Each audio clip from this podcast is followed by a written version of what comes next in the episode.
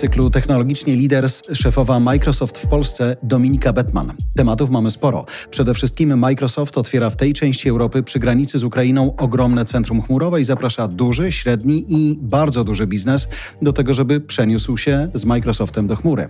Poza tym sztuczna inteligencja. W tej konkurencji Microsoft ostatnio wyprzedza innych o naprawdę duże odległości. No a poza tym, jak liderzy w tym świecie bardzo zmiennym mają się odnaleźć. Dominika ma ogromne doświadczenie. Za chwilę z tego doświadczenia skorzystamy. Patrząc po tym, jak liderzy dzisiaj mają trudno y, w zarządzaniu tak dużymi firmami, szczególnie jak Twoja, wielu naszych słuchaczy pyta, a skąd oni to wiedzą, w którą stronę pójść? Ty jako lider pracujący w różnych biznesach y, długie lata, kogo słuchasz, żeby wiedzieć, co robić?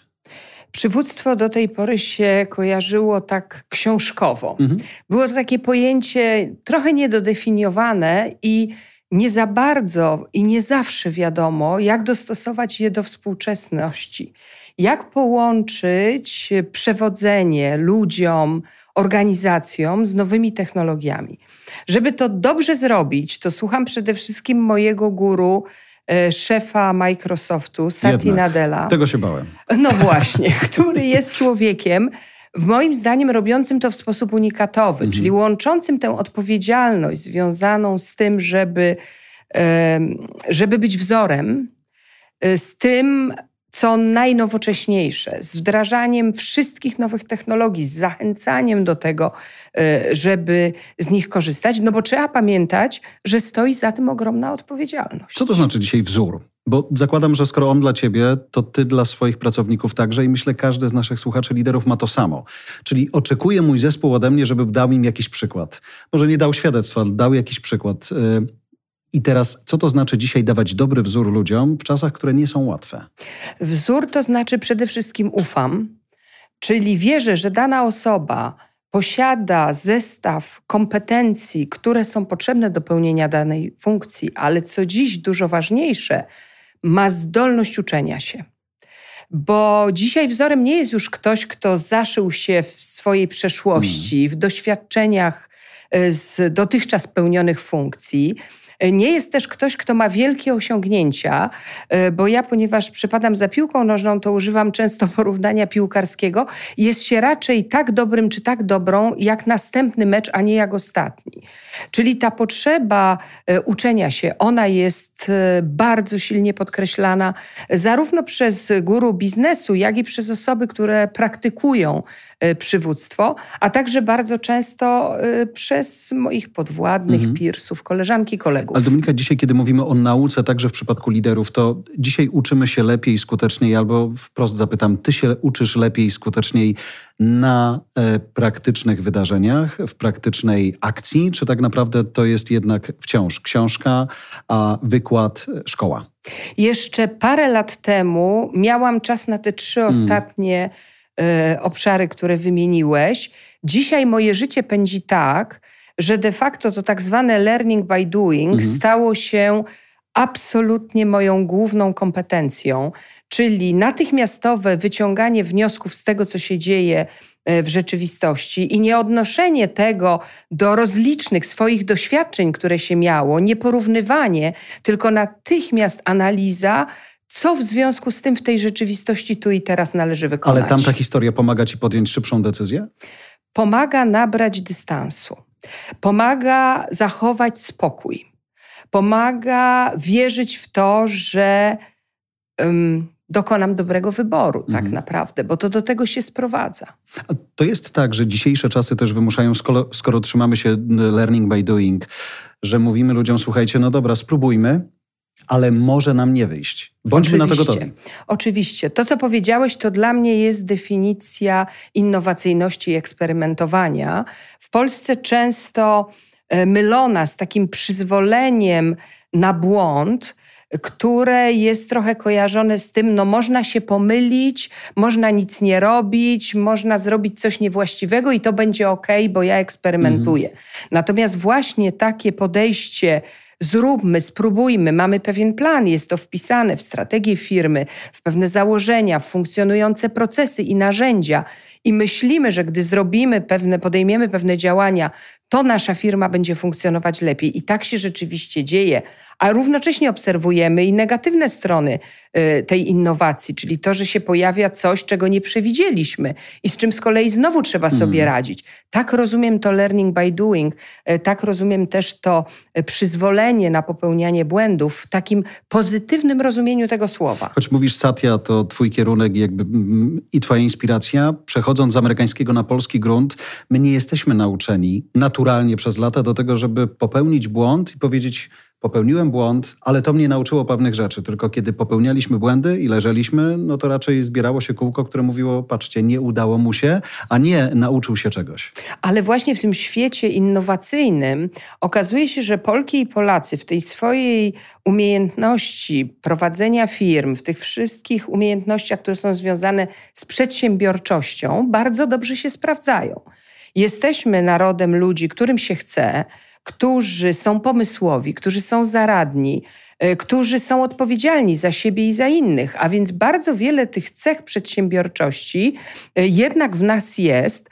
E, natomiast nad tą kwestią radzenia sobie z porażką, z błędem, myślę, że powinniśmy pracować, bo uczenie się na błędach, a zwłaszcza własnych, jest chyba no, przeżyciem z jednej strony bardzo trudnym, a z drugiej strony najbardziej budującym i pozwalającym znaleźć właśnie to, o czym wspomniałam wcześniej, czyli takim poczuciem, że, że jestem w sobie, że to, co robię, jest moje, że potrafię zachować spokój, że te nowe technologie, które napędzają ten świat, nie są czymś zupełnie odległym, obcym, ale czymś, co i ja, nawet jeśli wcześniej to nie była mm. moja domena, to jednak potrafię się w tym odnaleźć. Ciebie technologia fascynuje, interesuje, momentami przestrasza? Jak to jest? Przede wszystkim mnie fascynują jej nieograniczone możliwości, skalowalność, y, ta wielość zastosowań. To, że właściwie wszystkie dziedziny życia dzisiaj związane są z technologią i zmieniają się dzięki technologii.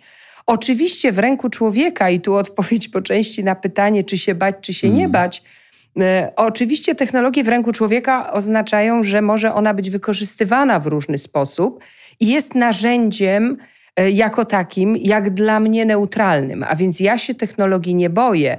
Rozumiem natomiast osoby, które obawiają się ich różnych nieprawidłowych zastosowań. Mamy tego przykład chociażby ostatnio we wzmożonych atakach hakerskich w związku z, z wojną w Ukrainie. I to jest jeden z takich obszarów, które mogą przerażać. Dzisiaj, tak jak powiedziałaś, sporo biznesów, sporo firm. Właściwie chyba trudniej byłoby nam znaleźć takie, które nie stały się firmami technologicznymi. Firmy motoryzacyjne mówią, my już nie robimy aut, my robimy dzisiaj technologię, która jest wykorzystywana tak. w samochodach. A, czyli dla firmy technologicznej od samego początku to jest y, rosnąca konkurencja, czy to jest naturalna konsekwencja? Firmy technologiczne stały się z, jednym, z jednej strony takim nieodzownym partnerem transformacji cyfrowej firm w innych sektorach niż sektor technologiczny, z drugiej strony są e, wytwórcą tych hmm. nowych technologii, a więc wnoszą niewątpliwie tą unikatową wartość, no bo trudno sobie wyobrazić, że wszyscy naraz będą zdobywać dokładnie taką samą wiedzę, takie same kompetencje i budować je konsekwentnie dla wszystkich, we wszystkich sektorach. To, to, to, prawdopodobnie jest niemożliwe. Niemniej jednak to, że wszystkie firmy są technologiczne, to ja rozumiem w taki sposób, że w zasadzie bez wykorzystania zarówno do czynności wewnątrz firmy, jak i do kontaktu ze światem zewnętrznym, z klientem, bez wykorzystania nowych technologii, właściwie funkcjonowanie na rynku stało się niemożliwe. I w tym sensie jest dokładnie tak, jak mówisz. Czyli dzisiaj technologia w firmie to jest y, oszczędność na kosztach, czy dzisiaj technologia w firmie to jest wygrana w y, rywalizacji z konkurencją? W Polsce bardzo często podchodzi się przede wszystkim do tego pierwszego mhm. elementu i stąd wielokrotnie obawa przed inwestowaniem w nowe technologie. Ja zachęcam przedsiębiorców nie do traktowania technologii jako wydatku czy jako kosztu, ale raczej jako inwestycji, czyli jako stworzenia szansy do tego, żeby firma się przetransformowała, żeby te najnowsze technologie były aktywnie w służbie e, danej firmy i wtedy właśnie stają się przewagą konkurencyjną. Ważne jednak w tym wszystkim jest, aby budować strategię e, technologiczną w pełnej zgodzie ze strategią firmy w ogóle. Nie można tych procesów pozostawić tak zupełnie e, oddzielonych od siebie. Nie można powiedzieć, że na przykład kwestie technologiczne powierzamy wyłącznie informatykom mm. w firmie. Dlatego, że dokładnie tak jak w życiu codziennym staliśmy się użytkownikami nowych technologii w zakresie dotąd zupełnie niespotykanym, choć niejednokrotnie no tak. Robimy to niejako nieświadomie, to dokładnie to samo dzieje się w przemyśle, w handlu i we wszystkich innych dziedzinach gospodarczych. W usługach rzeczywiście też, choć tak. był taki moment całkiem niedawno, kiedy CTO, to była grupa chłopaków, y, z całym szacunkiem panowie do was, którzy coś chcą, z czymś przychodzą, opowiadają o rzeczach, których my wszyscy w firmie nie rozumiemy. Dzisiaj mam wrażenie, że ich rola zdecydowanie urosła. Oczywiście, dlatego że wtedy byli właśnie, te osoby były, można powiedzieć, takie zamurowane w tej koncepcji tych wszystkich rozwiązań własnych, tego, że trzeba samemu wymyślić to wszystko. Ja przypominam sobie informatyka w mojej poprzedniej firmie, który przychodził do mnie, w tej roli był CIO i mówił do mnie: Ja tu jestem po to, żeby wesprzeć Ciebie jako executive mhm. level w rozwiązaniu wszelkich Twoich problemów.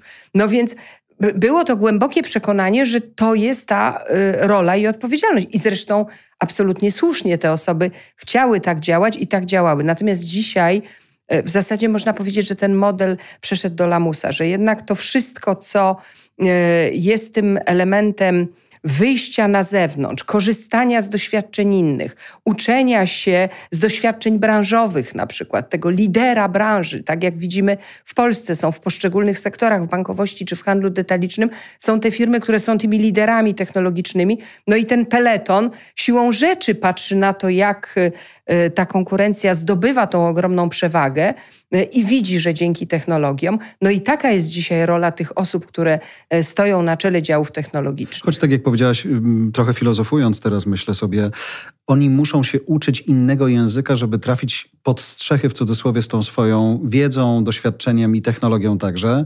Ale teraz patrząc na rozwój AI-owy, także w tym waszym kontekście, czyli czata GPT, mam wrażenie, że dlatego wszyscy zaczynamy mówić o tym i zaczynamy testować to i czuć, że wiemy więcej, że to nie jest już rozmowa tylko między CTO a CTO, ale tak naprawdę my możemy o tym pogadać przy stole, bo nas każdego to zaczyna jakoś wciągać i dotykać. Oczywiście, a w języku przedsiębiorstw to się przekłada na to, że to już niejednokrotnie biznes przychodzi do takiej osoby Dokładnie. w tej roli mm technologicznej. Słuchaj, znajdź mi rozwiązanie na. Absolutnie. I potrzebuję rozwiązania najwyższej klasy, mhm. bo dzięki temu wskoczę z miejsca tak. 11 na 6. Mhm. Prawda? I to jest właśnie to. Albo na przykład moi klienci dzisiaj zmienili się tak, albo dojrzali technologicznie tak bardzo, że ja coraz częściej słyszę te głosy. Albo, co jeszcze y, lepiej, co bardzo mi się zawsze podoba, kiedy słyszę od ludzi z poziomu executive, że właśnie Moja strategia jest taka, żeby, nie wiem, stać się bankiem, który jest jednocześnie doradcą dla gospodarstwa hmm. domowego. W związku z tym muszę mieć bardzo precyzyjne i dokładne dotarcie do klienta końcowego i potrzebuję określonych narzędzi, żeby to wykonać. I to jest tego typu myślenie. I wtedy ta rola technologa, ona absolutnie przechodzi od tego mówienia tym niezrozumiałym językiem, poruszania się w świecie tych szpetnych dyszczków e, i wejścia właśnie no po prostu Choć, na wiesz, tę rozmowę sobie, stole. Oni nas słuchają, mówią, hej, a dlaczego to my mamy się uczyć waszego języka, to wy się nauczycie naszego. I trochę też tak jest, że zaczynamy e, starać się przynajmniej coraz więcej zrozumieć, bo wydaje mi się, że jak z każdą nową rzeczą. Chcemy, najpierw próbujemy oswoić, pewnie się boimy, mm -hmm. bo nie mhm. rozumiemy, więc chcemy się jak najbardziej dowiedzieć.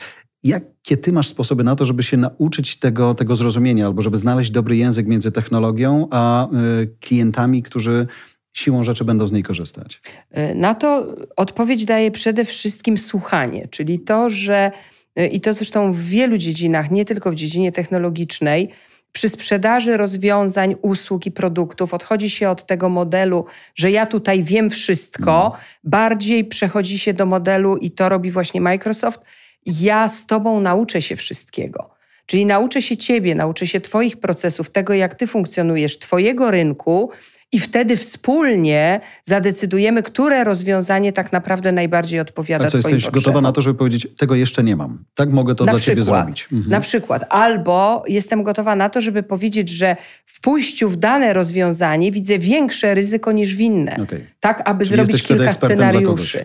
Jestem wtedy po pierwsze ekspertem, no i to wymaga oczywiście ode mnie wiedzy branżowej. Mhm. Bez tej wiedzy branżowej y, nie, nie da rady rozwiązać tych problemów i dlatego coraz częściej mówi się o tym w przypadku rozwiązań chmurowych, że już nie mówimy tylko o chmurze tak no tak. ogólnie, tak. tylko mówimy właśnie w kontekście danej branży. Myślę sobie chmura czy AI, ale skupmy się na razie na tej technologii, która y, może nie jest bardziej zrozumiała, ale jest bliższa niż, y, niż istniejąca gdzieś nad naszymi głowami chmura i o niej pogadamy za chwilę. Dla ciebie rozwój sztucznej inteligencji i cała współczesna dyskusja o niej to jest tak naprawdę jaki temat?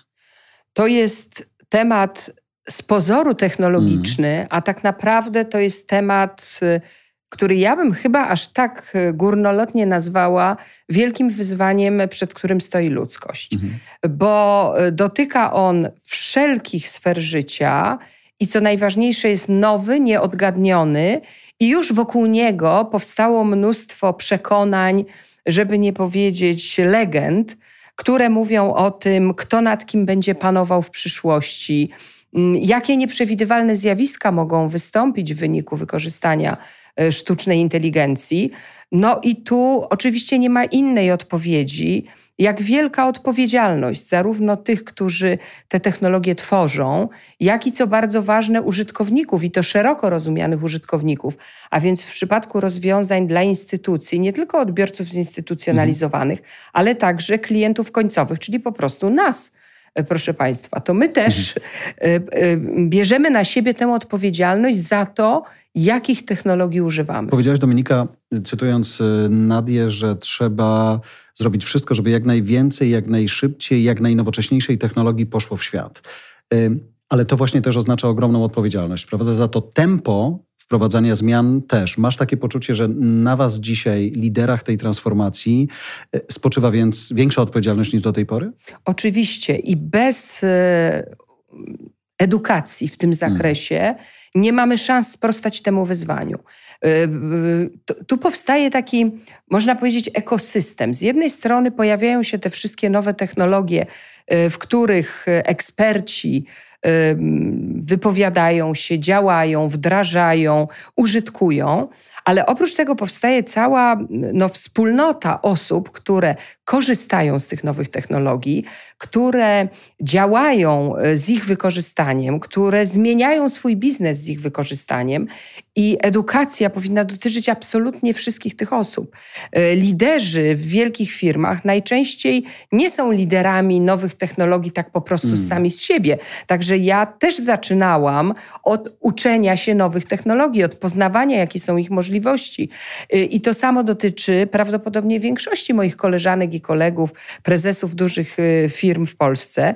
I te osoby też przechodzą ścieżkę edukacyjną, ale ścieżkę edukacyjną na końcu tego łańcucha przechodzą też osoby, które w bardzo niewielkim zakresie y, użytkują y, technologię, ale jednak do pewnych kluczowych czynności, na przykład do tego, żeby skorzystać z konta bankowego, we właściwy, odpowiedzialny i bezpieczny sposób, te umiejętności są potrzebne. Myślę, że to, co tutaj też jest determinujące w całej tej dyskusji, to to, że gdybyśmy wiedzieli, że możemy się w wolniejszym tempie z tym oswajać, to pewnie mielibyśmy inne znaki zapytania, inne obawy, ponieważ to tempo jest tak dynamiczne. Siłą rzeczy, każdy z nas zastanawia się, czy na pewno ja nad tym zapanuję, bo jakby przestałem chyba wielu z nas przestało dyskutować z tym, że to za rok, za dwa, za trzy, za dziesięć też będzie ważne. E, coraz więcej przedsiębiorców e, przychodzi do nas i pyta nie tylko o to, e, w jaki sposób wdrożyć jakąś konkretną technologię, ale pyta też bardzo często o to, jak budować strategię transformacji mhm. cyfrowej. Wciąż? Tak, która jest oczywiście dużo szerszym zagadnieniem niż wdrożenie okay. jakiejś nowej technologii, a jeszcze tacy bardziej, powiedziałabym, świadomi i dojrzali przedsiębiorcy przychodzą z takimi zagadnieniami, jak ja mam wprowadzić te transformacje z uwzględnieniem tego czynnika ludzkiego. Czyli jak przekonać ludzi, którzy właśnie tak jak mówiłeś, niejednokrotnie mówią, to mnie być może przerasta, mhm. Y, czy może moje życie dalsze w tym świecie, w którym jestem, będzie możliwe jakoś bez udziału, czy bez mojego mhm. mocnego zaangażowania się w te nowe technologie. Y, I właśnie temu wychodzi naprzeciw edukacji. Zdziwiłem się przy słowie transformacja cyfrowa, bo wydawało mi się, ale może y, to, to, to tylko moja bańka, że mamy to jakoś za sobą. Dwa, że ta cyfrowość nabiera zupełnie nowego znaczenia. Chwilę temu, i też za chwilę do tego nawiążę, rozmawialiśmy o przechodzeniu do chmury. Dzisiaj mówimy o sztucznej inteligencji w znaczeniu nie tylko wjadą roboty do naszych fabryk albo machine learning będzie bardziej wykorzystywany, ale mówimy o tym, że ona właściwie dużo kreatywnych zawodów też dotknie. I nagle wszyscy zaczęli mówić o niej zupełnie, w zupełnie innym znaczeniu. Stąd patrząc na tę transformację cyfrową, to my jesteśmy na początku tej drogi, czy na początku nowego wydania tej transformacji? My tutaj w Polsce na pewno jesteśmy już, e, jeśli można tak powiedzieć, pogodzeni z faktem, że ta okay. transformacja jest nieodzowna. Nie dyskutujemy. Nie dyskutujemy i to jest bardzo ważne. Dyskutujemy już teraz bardziej jak, w jakim tempie, bo to jest bardzo istotne. Najczęściej e, adaptowanie wielu istniejących systemów e, tych historycznych firmach do tych nowych wyzwań jest bardzo zasobochłonne, czasochłonne i niektóre firmy decydują się na to, żeby zacząć na nowo. Nie, niejako od nowa. Okay. Natomiast jest to oczywiście bardzo trudne, bo ciągłość biznesu no to jest jedna z podstawowych odpowiedzialności e, osób nim zarządzających.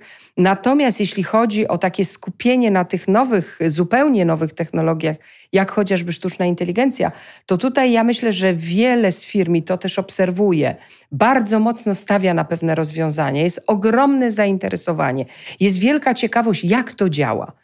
Ja muszę przyznać, że najczęściej dostaję takie hmm. pytania, ale w takim oczywiście konkretnym A ten wymiarze. czat, to ty go znasz, Dominika? Tak, a ty, właśnie. A, a, a co ty... Pie... E, jakie było twoje pierwsze pytanie, które zadałaś? No. Tak, więc to są te... Ale to potem nabiera już bardzo konkretnych, hmm. takich biznesowych treści e, i spotykam się z entuzjastami, hmm z osobami, które mówią, wow, to, no to jest, jest ten przełom. Szczególnie, że to jest widoczne, prawda? To nie mówimy tak. o jakiejś maszynie, która zamiast człowieka coś zrobi, albo we współpracy z człowiekiem coś zrobi, tylko mówimy o tym, że zadajemy pytanie, dostajemy odpowiedź i mamy swojego nie wiem, kopilota albo partnera w pracy nad czymś, prawda? Jest to bardziej tak. bliskie i widoczne. Tak. I tu właśnie no, ta sztuczna inteligencja, można powiedzieć, wkracza z tym całym swoim hmm. bogactwem. I no, tak, bo jedni na to w ten sposób patrzą, inni zastanawiają się, czy na pewno nadążą i czy sprostają temu tak. tempu. Ale myślę też o jeszcze jednej rzeczy. Wspominaliśmy o CTO, że oni urośli w, w siłę w ostatnim czasie. To taki Chief AI Officer też pewnie będzie naturalną koleją rzeczy za chwilę. Oczywiście, ale pamiętajmy, że coraz częściej też się mówi o Chief Happiness Officer. Hmm. Czyli następuje takie wyważenie, i to właśnie a propos mm. tego, co powiedziałeś, że e, sztuczna e, inteligencja, ona także dotyka tych zawodów e, społecznych, tych, które nie są w ogóle mm. związane z technologią, przynajmniej z pozoru, mm, bo właśnie tutaj jest potrzebna ta pewna równowaga. Tam, gdzie gubimy się w tych tajnikach technologii, albo gdy właśnie nie wiemy, czy nadążymy, bardzo mocno nowe wymagania stawiane są właśnie takim naukom jak psychologia, socjologia. W firmach coraz częściej słyszę o tym, że angażowane są osoby właśnie z tymi specjalnościami w tych działach nowych technologii, no po to, żeby połączyć te dwa światy, po to, żeby złagodzić y, to, y, tę trudność związaną z wyzwaniem, z którym się każdego dnia mierzymy. Przeskoczmy do chmury, chociaż z AI tak. właściwie nie mamy co rezygnować, bo on tam też będzie w tej chmurze e, był i, i pracował z nami. Otwieracie duże centrum chmurowe w Polsce. Moje pytanie brzmi, dlaczego w Polsce? Choć, bo może wyjaśnię skąd, skąd, ta wątpliwość albo skąd ta przewrotność w pytaniu. Jesteśmy bardzo blisko bardzo newralgicznego punktu na mapie. Mhm. Decyzja o wyborze Polski została podjęta prawie trzy lata temu. E, I wtedy właśnie patrzono przede wszystkim na potencjał kraju, mhm. na przedsiębiorczość, na dane makroekonomiczne, na rozmiar rynku wewnętrznego, który jest przecież bardzo duży, ale także na potencjał oddziaływania na ościenne kraje. I to były te główne przesłanki do wyboru Polski. Silny i zorientowany na transformację technologiczną sektor e, publiczny, dużo firm międzynarodowych, które przenoszą okay. E, i przenosiły przez lata całe, przez ostatnie trzy dekady do Polski wiele swoich operacji. Stąd ta, e, te, ten pomysł, żeby Polska Polska była tym e, kolejnym regionem chmurowym. Dzisiaj, z perspektywy bycia państwem przygranicznym, ta potrzeba e, użytkowania technologii chmurowych, ona jeszcze tylko rośnie. E, Microsoft absolutnie tutaj zapewnia o swoim zobowiązaniu bycia w Polsce, funkcjonowania stąd, działania w zakresie bezpiecznych technologii, tych bezpiecznych w, kon w kontekście cyberbezpieczeństwa, które przecież poprzez wybuch wojny no, trafiło na usta wszystkich mhm. i stało się, dzisiaj można by powiedzieć, że to, jest, że to mo może być w ogóle podstawowy argument, dlaczego chcemy, aby polskie przedsiębiorstwa przechowywały dane w bezpiecznej chmurze publicznej. No ale taki dla najbardziej, dla tych liderów transformacji cyfrowej, to niewątpliwie ten najważniejszy argument przemawiający za chmurą, no to są te możliwości korzystania z technologii chmurowych, czyli to, co niesie ze sobą e, chmura obliczeniowa, wszystkie e, aplikacje, wszystkie rozwiązania, które są udostępnione dla użytkowników e, chmury publicznej, to one przede wszystkim przyciągają. Ta możliwość eksperymentowania, ta możliwość no, podejścia takiego bardzo innowacyjnego do tego, jak e, przestawić, przeorganizować swoje procesy wewnętrzne, zewnętrzne, to właśnie zapewnia chmura obliczeniowa i to jest ten prawdziwy magnes, dla tych najbardziej zaawansowanych, dla tych, którzy mówią, ja już w tej chwili bez rozwiązań chmurowych mhm. Nie widzę w ogóle swojego biznesu. Też dlatego, że konkurenci wasi e, ze swoimi chmurami już w tym regionie świata są, to był dla was ważny krok, żeby to zrobić? To jest na pewno y, bardzo istotny element, no bo jednak to zachowanie konkurencyjności jest, jest super istotne, ale tak naprawdę ta koncepcja, która pochodzi z centrali Microsoftu, z Redmond, ta idea, którą żyje e, Satya Nadella, ona bardziej dotyczy takiego rozmieszczenia na całym globie ziemskich y, y, tych regionów chmurowych w taki sposób, żeby następowała ta demokratyzacja technologii, czyli żeby ten dostęp do tych najwyższych technologii był możliwy wszędzie, gdzie tylko jest potrzebny, gdzie jest zainteresowanie, gdzie jest właśnie ten duch przedsiębiorczości, gotowość tego sektora y, publicznego i prywatnego do korzystania z tych technologii. Prywatny i publiczny, znów myślę sobie, to pewnie duzi gracze tylko. Kto dzisiaj tak naprawdę jest, może być klientem chmury? E, de facto taka, taka lista tych, tych największych klientów, no to oczywiście obejmuje wielkie e, przedsiębiorstwa państwowe, hmm. spółki Skarbu Państwa, obejmuje oczywiście ministerstwa, instytucje publiczne. To są już nasi klienci dzisiaj, to są te podmioty, które bardzo odważnie wchodzą na tę ścieżkę korzystania z rozwiązań chmurowych. Natomiast małe i średnie przedsiębiorstwa, zwłaszcza te najbardziej dynamiczne polskie mhm. przedsiębiorstwa, również bardzo odważnie e, podchodzą e, do chmury.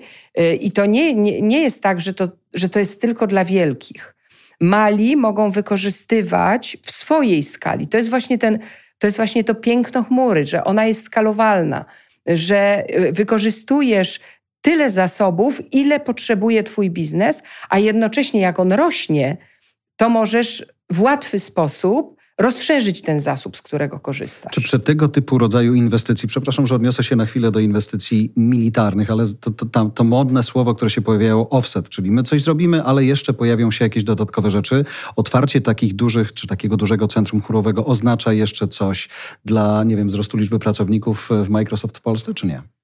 Przede wszystkim rośnie cały ekosystem partnerów, Y, którzy rozwijają się dzięki y, temu y, ulokowaniu regionu chmurowego w Polsce, dlatego że to właśnie partnerzy są dla nas tymi głównymi podmiotami, które dostarczają rozwiązania chmurowe naszym klientom. Stąd ich udział w otwarciu mm, regionu chmurowego, no i także ich aktywny udział w edukowaniu, w tym skillingu, który się odbywa w zasadzie już od hmm. ponad dwóch lat i który ma właśnie doprowadzić do tego, że no będzie uzyskana ta określona skala, jeśli chodzi o wiedzę, żeby płynnie korzystać z usług, żeby po prostu e, te przedsiębiorstwa, które chcą, miały łatwy dostęp do mhm. wiedzy, żeby to nie było jakieś zaczarowane, niezrozumiałe pojęcie, tylko żeby było wiadomo, jaka konkretna wartość biznesowa płynie z wykorzystania danego rozwiązania chmurowego. Skilling już padło, upskilling, reskilling jeszcze nie padało, chociaż mówiliśmy o tym, że trzeba być tak. otwartym i, tak. e, i, i, gotowym na, na zmianę. Mówimy AI, mówimy chmura, z nią się już trochę oswoiliśmy. Czy czujesz jako liderka, albo wiesz może, co jest za rogiem? Skoro teraz mówimy o tak dwóch dużych rzeczach, co tam jest next? Ja przede wszystkim e, myślę, oczywiście nie mam szklanej kuli. Mm, całe szczęście. Natomiast myślę sobie, że teraz te najbliższe lata to będzie niewątpliwie takie badanie tego, jakie są możliwości tych już istniejących mhm. technologii, z ogromnym naciskiem na sztuczną inteligencję i na wykorzystanie chmury. E, I to na pewno nas czeka przez najbliższe 2-3 lata. Co będzie kolejnym etapem? W moim odczuciu jest to bardzo trudno przewidzieć. I tak trzy lata to już taki horyzont, którego taki ostatnio horyzont... nie, nie, przyjmowaliśmy prawie Nie wcale. przyjmowaliśmy hmm. i w ogóle, i w ogóle. Natomiast myślę, że taką, wiesz, mocną stroną tego te, tego dostępu do technologii jest to, że można sobie zbudować te różne scenariusze i to robią e, tacy bardzo świadomi i dojrzali przedsiębiorcy. Włączasz, wyłączasz, tak? Te scenariusze. Tak, tak mhm. jest. I, I tak naprawdę Ponieważ odpowiedź na pytanie, co będzie, jest bardzo trudna i niejednoznaczna, ale przecież wszystkim zależy na zachowaniu ciągłości biznesu. Tyle mówimy o tej odporności. Dzisiaj mówi już się tylko o odporności nie takiej na jednorazowe zdarzenie typu COVID czy e, czy właśnie jakiś kryzys e, mhm. gospodarczy, tylko dzisiaj bardziej się mówi, że wygrają te firmy, które będą zdolne do tego, żeby w długim okresie czasu tę odporność zachować. Czyli żeby właśnie umieć reagować na te nowe technologie i na to zmieniające się otoczenie w sposób permanentny. Mhm. Czyli zwycięzcą jest nie ta firma, która poradzi sobie w kryzysie dzisiaj, dzisiaj tylko która przetrwa. Wymaga innych kompetencji od szefów? Oczywiście, że tak. To wzmacnia bardzo potrzebę myślenia otwartego, a więc myślenia, powtórzę to, nie tymi kategoriami, ja już wszystko wiem i zastosuję z tego swojego katalogu doświadczeń któreś, które na pewno będzie pasowało do danej mm. sytuacji, tylko to jest przede wszystkim otwartość na to, że przeanalizuję to, co się wydarzy, niejako od nowa, takim, jakim to jest w danych warunkach i najczęściej z zespołem, bo trzeba pamiętać, że ta praca zespołowa przy tak daleko e, posuniętej eksperckości we wszystkich dziedzinach, bo przecież ona mm. dotyczy nie tylko technologii, ta praca zespołowa staje się tutaj e, niezwykle I tu wracamy istotna. do piłki nożnej. I tu wracamy do piłki nożnej. Chodzi o tak. jedną rzecz, chciałem cię zapytać, ten wątek mi umknął, a chciałbym do niego wrócić, bo kiedy mówimy o liderach dzisiaj, czy o tym, jakie powinni mieć kompetencje, wiemy, że elastyczność tak, otwartość na technologię tak, próba sprawdzenia u zespołu, co robić, zadawania pytań, słuchania, na co zwróciłaś uwagę. Często pojawia się także wątek, słuchajcie, technologia może i pierwsza, może i first, ale pamiętajcie także o tej emocjonalnej sferze. Na ile dzisiaj y, czujesz i wiesz i wzmacniasz ją także w zespole, e, na ile to jest niezbędne, żeby dbać także o tą nietechnologiczną stronę liderów? Takim pierwszym e, olśnieniem była niewątpliwie, był niewątpliwie wybuch pandemii bo ja jako liderka wtedy pierwszy raz uświadomiłam sobie, że jestem powołana nie tylko do tego, żeby zapewnić funkcjonowanie firmy, żeby pomyśleć o tym, jak zadziałać w sytuacji kryzysowej, bo na to w większości przypadków e, mamy odpowiedź jako liderzy e, i menedżerowie.